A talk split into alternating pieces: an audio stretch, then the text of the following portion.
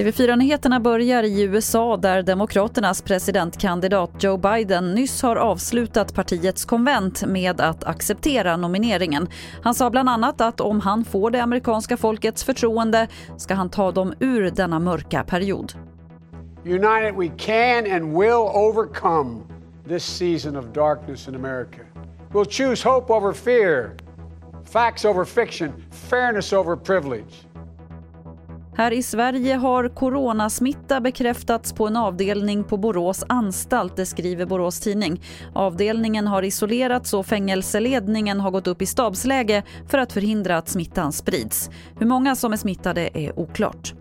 Och till sist kan vi berätta att Systembolaget har fått sig en rejäl skjuts av coronapandemin. I juli sålde man 14% mer än i juli förra året. Men trots det dricker svenskarna inte mer än tidigare, säger Systembolaget. Utan det handlar till exempel om att man inte längre köper lika mycket alkohol på restauranger och barer utan på Systembolaget istället. Det var det senaste från TV4 Nyheterna. Jag heter Lotta Wall.